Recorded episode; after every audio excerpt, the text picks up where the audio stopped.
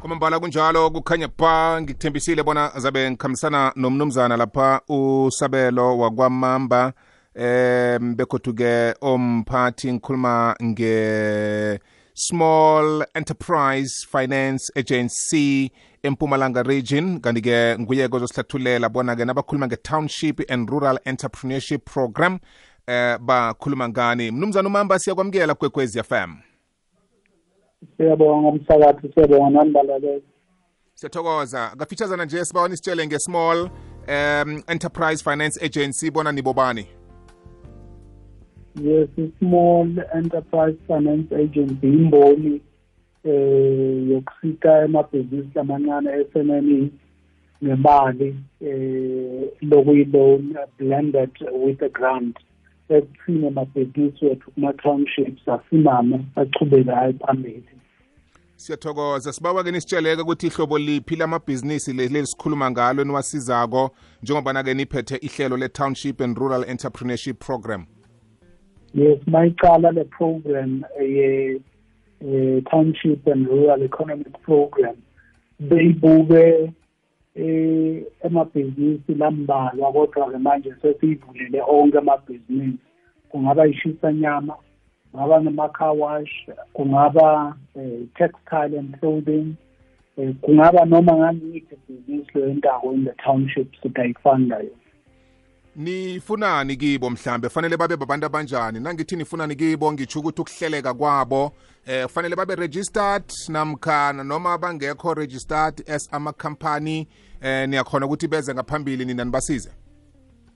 Kufuna ube so-registered so une-c i p registration document une-sars tax pin nebhizinisi yakho ifuna ibe ne-latest six months bank statement noma i-bank letter lisho ukuthi unayo i-akhawunti ebhange siphinde-ke sidinge nemininingwane ye-director yale bhizinisi i-d ne-proof of residence.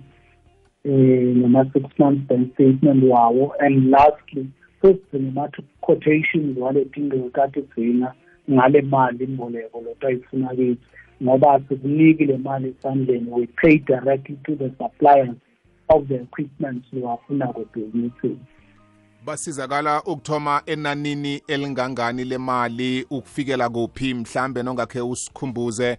Soloko nathomako abenjani ama-applications impumelelo yawo?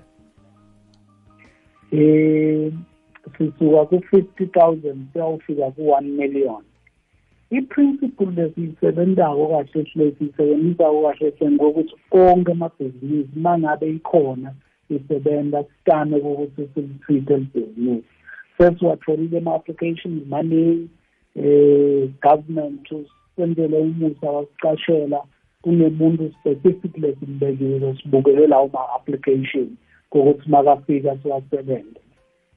Mhm.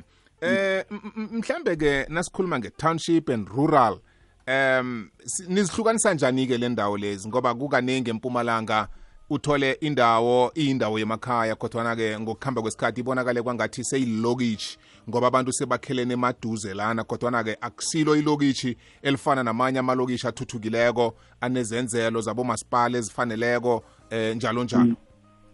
Kahle hle wonke ema-township nema-rural areas wasempumalanga eh siyawasida ungani noma kwenteka uthola sewuse-weekbank noma sewusemasport because impumalanga is largely regarded as a poor province nawe siyakhona kokusida um kodwa-ke siyadama kwahlukanisa because imali leningi sifisa ukuthi iye khona lapha kuma-rural areas. Ya babumambo ukhulume ukusuka ku-50,000 kuyokufika ku-1 million rands imali enikelwako.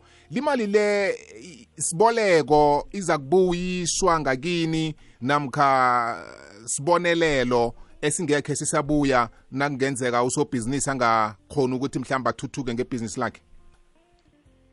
Yes i-grant kule mali le ayidluli ku-hundred thousand. Kusho ukuthi noma ngawuboleke eight hundred thousand i-hundred thousand abayi-grant seven hundred thousand ikube i-loan if kungu-one million hundred thousand i-grant nine hundred thousand i-loan if kungu-three hundred and fifty thousand hundred thousand i-grant two hundred and fifty i-loan icishe ibe kanjalo.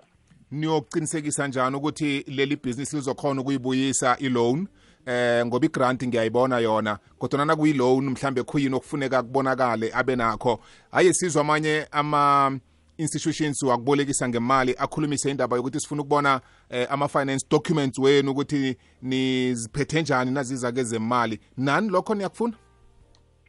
Yes ungani siphethe umthetho we-national credit act eh ukuthi masiboleka emabhizinisi siwabuke lele sithi cash flow sibuke kule bhizinisi vele litawukhona yini kuyibhadala lelo. Kuyenteka ukuthi wena ufuna maybe loan ya 900,000 sithi masimbuka simsubjecta kule test yethu sifike sekuthole exit business ngelikhona ekubhadala 900,000 kodwa 400,000 lingambhadala bese sibonisana nawe iyakulungela yini noma vele ufuna kulenta le business lakho lize kugcine for the 900 and so we do that sensitivity testing kule cash flow yakho losiniketa yona. Babo mambo ngakwelami hlangothi imibuzo ebengiphethe iphelele mhlambe kokugcina singathi banithinda njani-ke i-ofisi lenu? Ngizwile ukuthi ninomuntu esele nimbekile okunguye owamukela ama-applications. Singabawa imininingwana mhlambe ngaba yi-email uh, office number whatsapp number social media platforms njalo njalo. Ah msakathi nani balaleli kungcono ngithole inombolo yami ne-email address yami ama-application ungayenda online i-application sayitfola khona labo labakhonako ukungena ku-internet eh ku-www sifa org za. I-application yethu ungayenda online mawufisa. Kodwa-ke inombolo yami zero seven six four seven four five four three five. Ngayiphinza zero seven six four seven four five four three five.